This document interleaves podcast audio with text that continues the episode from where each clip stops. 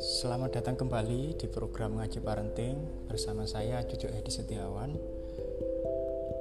Di sesi kali ini kita akan berbincang tentang bagaimana mendidik ketaatan tanpa tapi, tanpa nanti. Saya yakin semua bapak dan ibu pendengar ingin agar anaknya taat kepada kita selaku orang tua.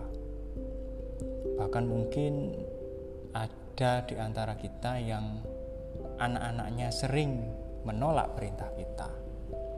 Anak-anak tidak menaruh hormat pada kita selaku orang tua atau ketika kita perintah anak-anak menjalankannya dengan hati yang tidak penuh dengan bermalas-malasan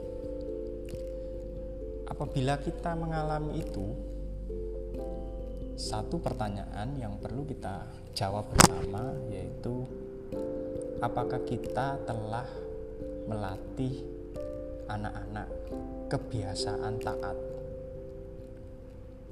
Mengapa saya sebut kebiasaan? Karena ketaatan adalah bagaimana kita mengawalnya secara konsisten.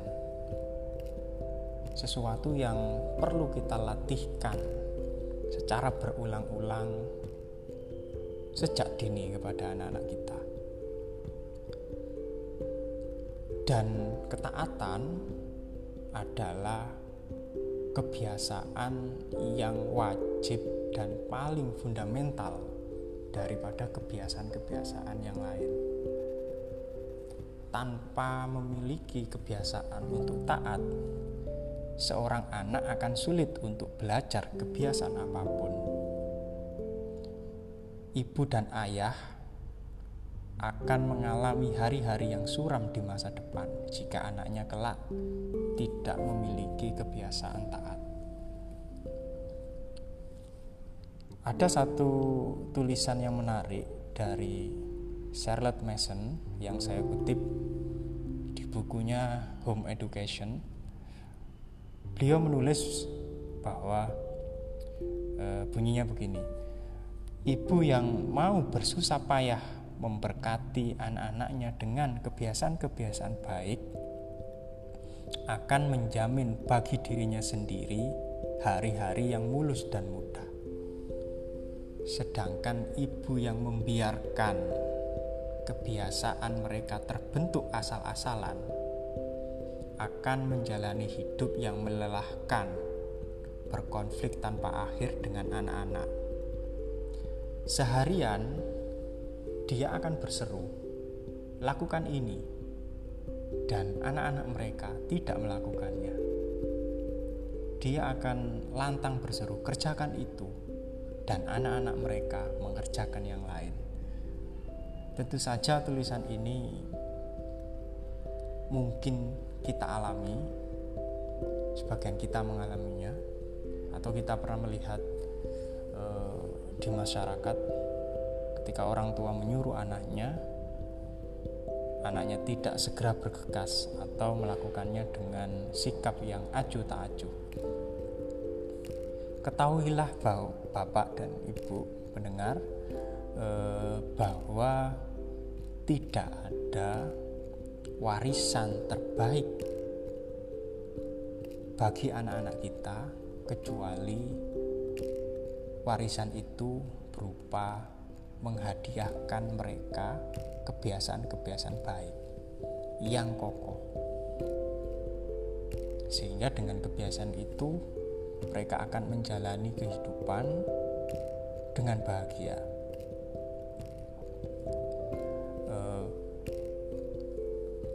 Kalimat yang perlu kita cermati dari yang dikatakan Charlotte tadi yaitu eh, apabila kita tidak menanamkan sebuah kebiasaan baik maka hari-hari kita akan suram bayangkan jika nanti bapak dan ibu sudah menua. Rambut sudah beruban, otot sudah tidak sekuat dulu lagi ketika kita masih muda. Sedangkan anak-anak yang kita besarkan belum kokoh kebiasaan baiknya, tidak menaruh respek pada orang tuanya. Wah, tentu saja ini membuat hidup kita tidak bahagia. Semakin tua, semakin tidak bahagia karena anak-anak tidak menaruh respek, tidak taat, dan tidak punya kebiasaan baik. Ini tentu saja membuat kita bingung, membuat kita frustasi. Maka dari itu, mari kita tanamkan kebiasaan kebiasaan baik pada anak-anak kita. Utamanya fondasinya yaitu kebiasaan untuk taat. Agar bisa taat, maka anak harus terbiasa untuk taat. Jika kita ingin anak menghormati kita, karena ketaatan itu adalah hakikat dari semua kewajiban manusia. Eh, bayangkan apabila kita membesarkan seorang manusia, membesarkan anak, anak itu tidak taat, entah itu pada orang tua, entah itu taat tidak taat pada aturan, tidak taat pada kebenaran, bahkan tidak taat pada ilahi, maka sudah dipastikan anak kita akan menjadi sumber kekacauan di mana-mana. Dan itu sudah pasti ada andil besar kita sebagai orang tua.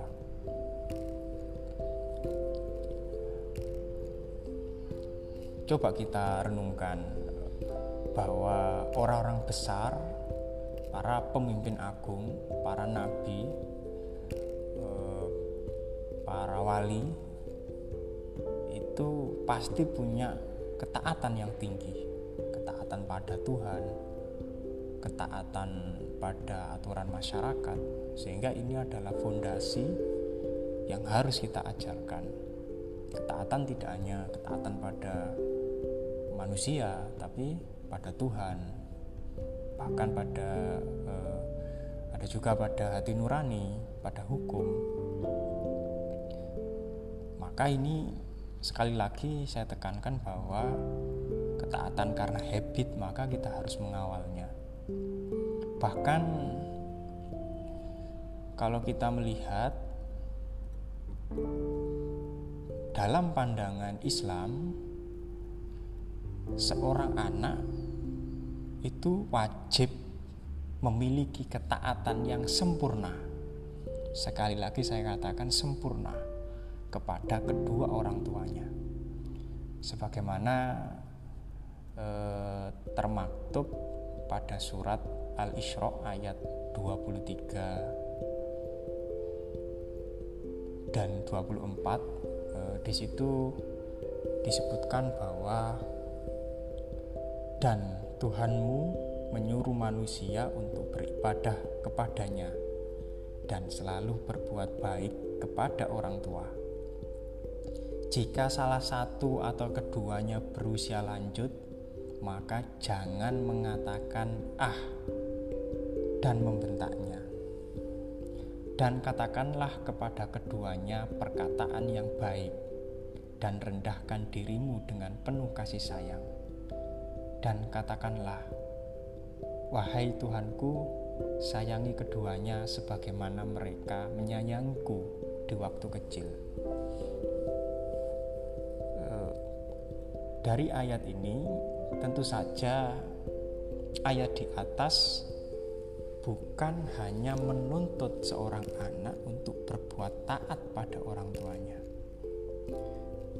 akan tetapi secara tersirat memberikan pekerjaan rumah bagi segenap orang tua untuk dapat melatihkan ketaatan pada anak-anak mereka. Sehingga ketika kelak, ketika kita orang tuanya sudah berusia lanjut, si anak senantiasa taat dan tidak pernah mengucapkan ah atau menolak ya ketika diperintah pada orang tuanya.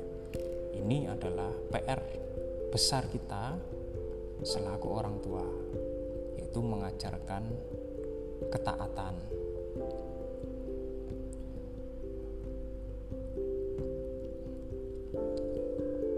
Ketaatan tadi seperti yang ada lagi satu eh, petikan tulisan dari Charlotte apa cakupan ketaatan itu yaitu mencakup semua kewajiban manusia.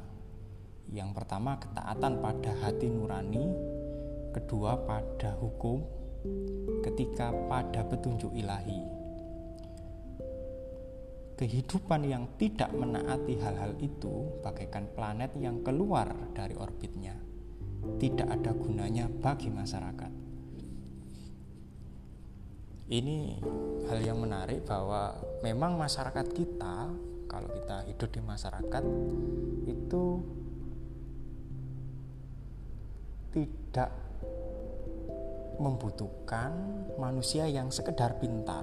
Percuma orang itu pintar orang itu cerdas tapi tidak taat.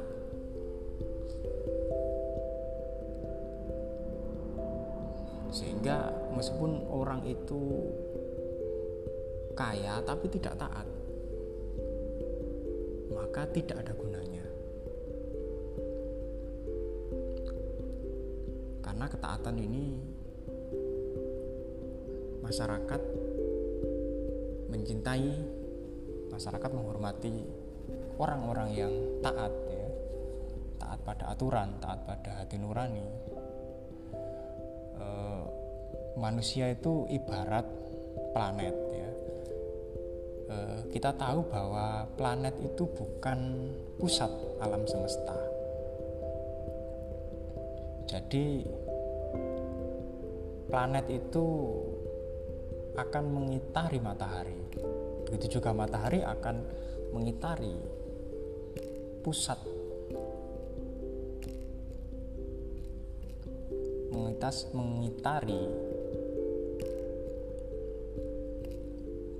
pusat alam semesta. Sehingga sebenarnya kita harus tanamkan ke anak-anak bahwa ada otoritas yang perlu kita taati yaitu ada hukum, ada perintah, ada kebenaran, ada aturan Tuhan yang mana jika kita taat dalam hidup kita, kita akan selamat. Dan kita jika melawan otoritas itu, maka kita akan mendapat konsekuensi. Anak-anak harus diajari dari, dari kecil bahwa bukan mereka yang mengatur dunia ini, bukan dia yang mengatur keluarga ini, ada otoritas yang harus mereka taati. Mereka tidak boleh punya keyakinan orang lain harus e, mentaati dia, tapi ada otoritas yang harus dia ikuti. Baik, ini catatannya bahwa baik orang tua ataupun anak patokannya adalah kebenaran ya. jadi ini sangat fundamental kita akan rugi jika tidak mengajarkan kebiasaan ini kepada anak-anak kita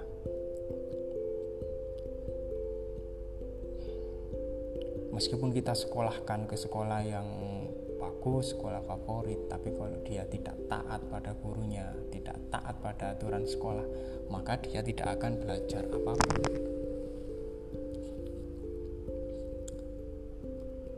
sekarang apa yang harus dilakukan orang tua untuk mengajarkan ini eh, yang pertama kita harus paham posisi kita itu di mana? Hubungan kita dengan anak itu apa? Kita harus memahami itu secara detail secara jernih. Kita harus sadar bahwa sebenarnya kita adalah perwakilan dari Tuhan, hukum, dan kebenaran. Kita ini wakil yang ditunjuk oleh Allah, oleh Tuhan, yang mana kita diberikan otoritas untuk membuat anak kita taat. Jadi tidak semua anak yang kita lahirkan itu secara tidak langsung kita itu ditunjuk oleh Allah Subhanahu wa taala untuk amanah ini untuk kita ngajarkan ketaatan. Kita punya tanggung jawab moral untuk melatih agar anak belajar untuk taat.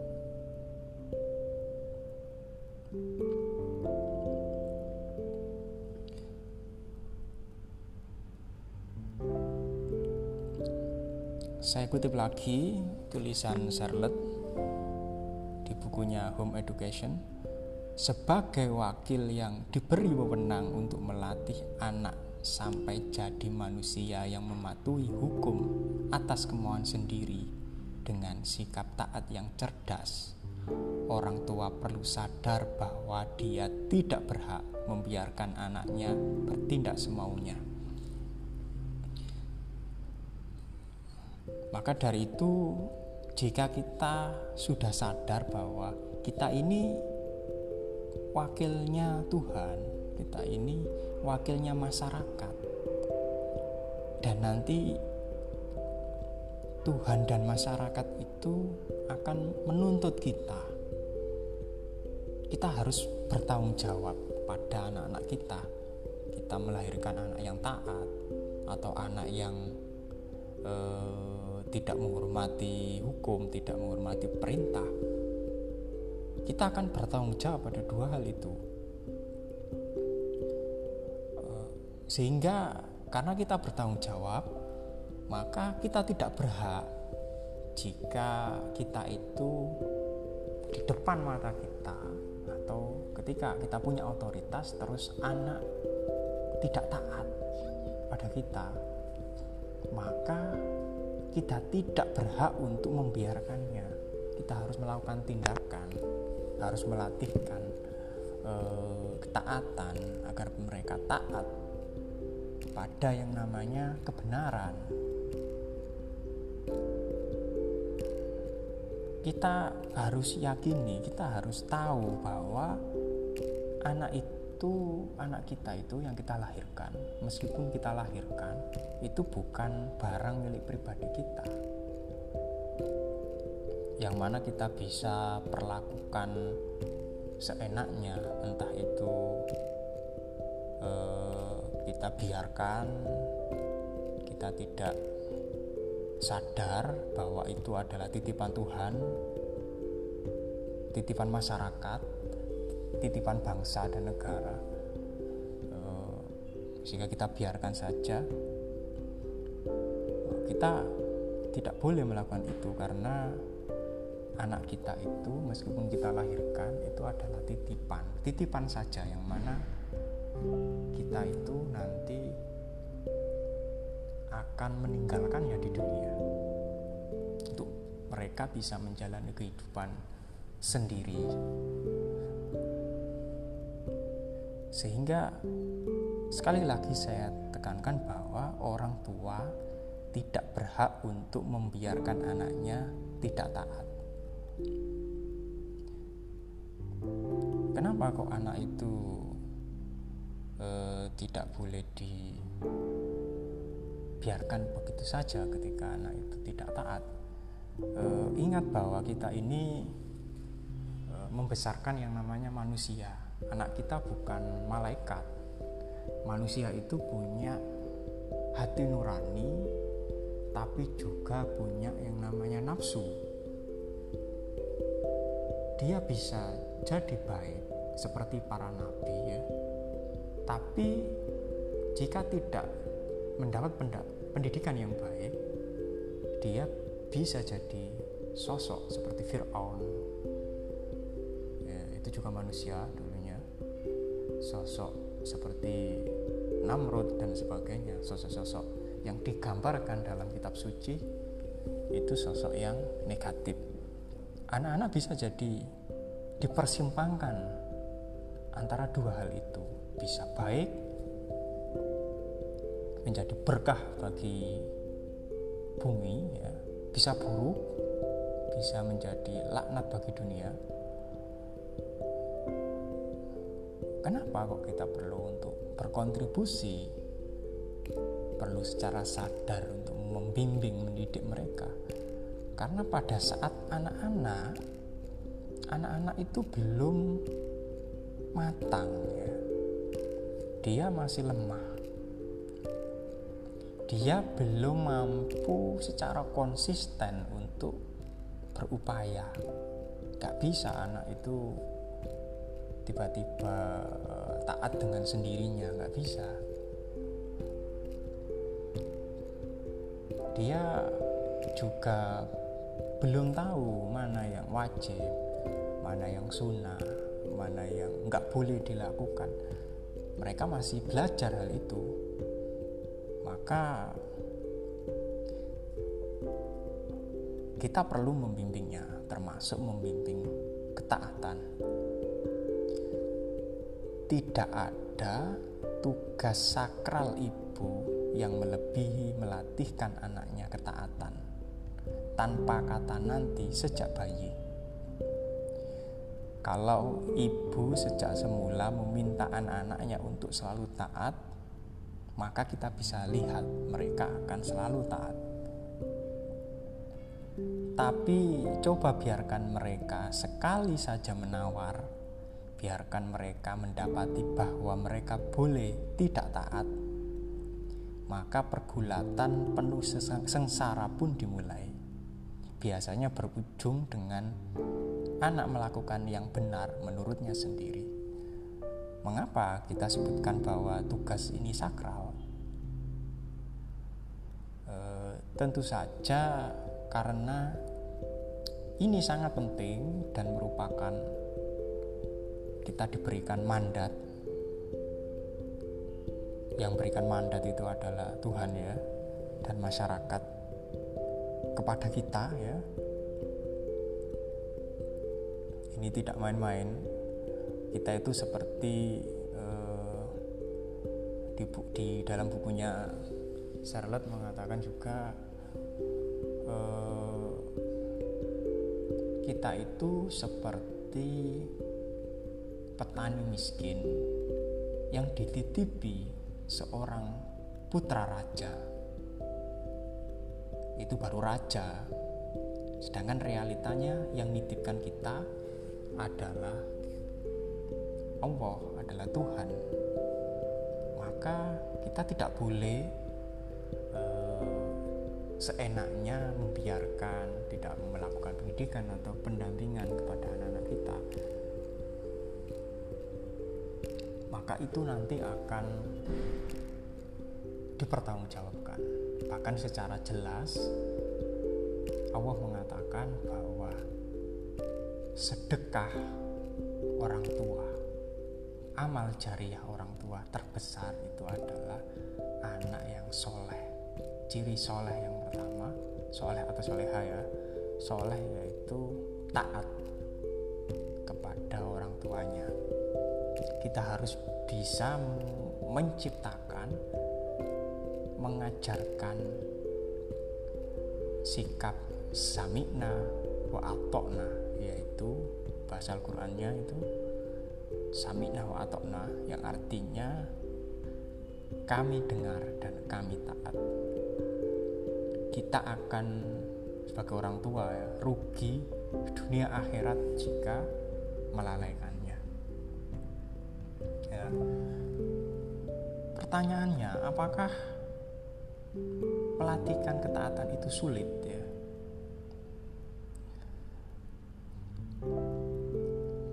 Ini saya ambil dari uh, di buku Home Education tadi kata Charlotte mengatakan bahwa ini untuk jadi pegangan kita bahwa melatihkan ketaatan tanpa kata nanti bukan tugas yang sulit. Prinsip ketaatan sudah ada di dalam anak, menunggu diaktifkan. Jadi tidak perlu membentak anak atau mengancam atau menggunakan kekerasan dalam bentuk apa pun. Karena orang tua sudah dibekali otoritas dan anak akan mengenalinya secara intuitif. Jadi anak-anak kita, Bapak Ibu, secara insting anak-anak itu sudah punya bibit-bibit ketaatan yang menunggu untuk kita aktifkan.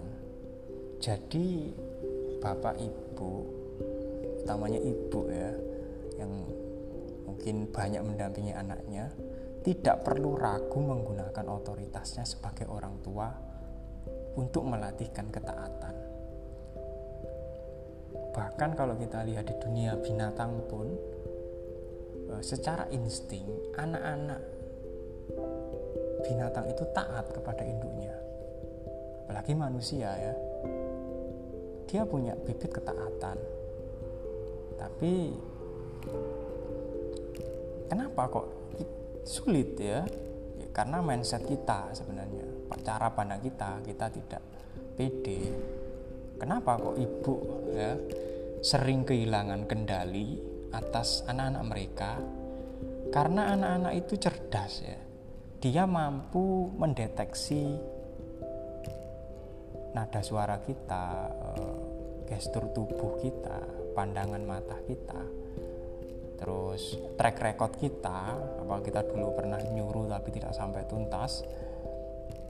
Mereka membaca itu dan menerjemahkan bahwa satu ya bahwa orang tua saya ibu tak berharap mereka menaati perintahnya yang kedua bisa jadi ibu kurang menganggap penting jabatannya sebagai orang seorang ibu yang ketiga, yang mungkin juga sering yaitu ibu kurang percaya diri pada otoritasnya sendiri. Mau menyuruh tapi ragu ya. Meminta anaknya untuk melakukan A, tapi kita tidak yakin anak kita itu akan melakukannya Nah, keraguan-keraguan itu perlu kita kikis. Uh, ada beberapa tips yang bisa kita lakukan. Yang pertama, nomor satu yaitu seperti yang saya jabarkan tadi bahwa kita harus yakin otoritas kita sebagai orang tua harus yakini bahwa kita ini adalah mandat Tuhan. Kita punya otoritas. Anak itu juga punya bibit e, ketaatan ya, menunggu diaktifkan. Yang kedua kita harus perkuat hubungan harmonis di keluarga terutama anak orang tua tidak boleh serta merta hanya menyuruh saja tanpa dia punya kedekatan hati. Punya kedekatan jiwa sering menemani anak bermain memahami anak ya. Ini penting tingkatkan bonding kita kepada anak. Yang ketiga kita harus paham teori tumbuh kembang anak. Anak kita usia berapa? Mereka fasenya apa kita harus tahu dunia anak-anak untuk bisa perintah kita itu dipahami ditaati oleh anak-anak kita yang keempat ini penting yang mungkin sering dilupakan yaitu taburlah ide sebelum memberi perintah. Apakah kita sudah memberikan inspirasi pada anak untuk melakukan itu. Misalnya kita menyuruh anak untuk gosok gigi setiap pagi. E, apakah kita sebelumnya sebelum menyuruh apa kita sudah memberi inspirasi mereka, memberi contoh yang gamblang, memberikan buku, memberikan video, memberikan fasilitas yang mereka untuk memahami, mendapatkan ide bahwa menggosok gigi itu adalah sesuatu yang baik. Itu ya jadi tabur ide sebelum memberi perintah yang kelima tipsnya itu jangan keluar dari batas otoritas kita kita punya otoritatif tapi bukan berarti otoriter kita punya wewenang tapi jangan sewenang-wenang ya, kita tidak boleh melewati batas otoritas kita. Apa batasnya? Yaitu eh, kita melanggar otoritas itu jika suka memanipulasi entah itu rasa cinta. Misalnya begini, eh, ibu tidaklah apa tidak lagi sayang ke kamu jika kamu melakukan itu. Ini memanipulasi cinta. Ada memanipulasi ketakutan dengan cara mengancam ya, dan sebagainya itu sudah melanggar otoritas kita ya sebagai orang tua. Selanjutnya keenam, pandanglah anak sebagai pribadi yang unik, istimewa dan berharga. Yang ketujuh yaitu berikan perintah yang jelas ya, jelas kawal dengan konsisten sampai anak melakukannya jadi perintahnya jelas dan dikawal dengan konsisten. Kedelapan eh, jangan pernah memberi perintah yang tidak anda niati untuk anak laksanakan sampai tuntas. Kadang memberi perintah tapi gak niat mengasih perintahnya. Nah, ini atau kita cerewet menyuruh A B C D tapi kita tidak memberikan e, mengawal itu atau terlalu banyak perintahnya. Ada hubungannya dengan yang terakhir yaitu kalau terlalu banyak itu termasuk membebani ya. jangan memberikan perintah yang berat. Cerewet memberikan perintah ya. Berikan perintah lebih baik memberita, memberikan perintah sekali tapi dikawal konsisten ya. Agar tidak berat anak karena ini habit jadi anak itu berlatih sedikit demi sedikit. Kalau itu terus konsisten kita kawal konsisten. Mereka kita kawal dan selalu taat ya. Meskipun tidak lancar tapi terus kita konsisten untuk anak itu supaya melakukan perintah untuk taat. Dari hari ke hari lama kelamaan mereka akan taat tanpa tapi ya tanpa nanti jadi anak itu langsung melakukan seperti apa yang kita inginkan ingat bahwa selama perintah itu benar maka anak itu akan segera mungkin mentaatinya jadi batas itu adalah batasnya adalah kebenarannya. Jadi itu yang bisa kita diskusikan.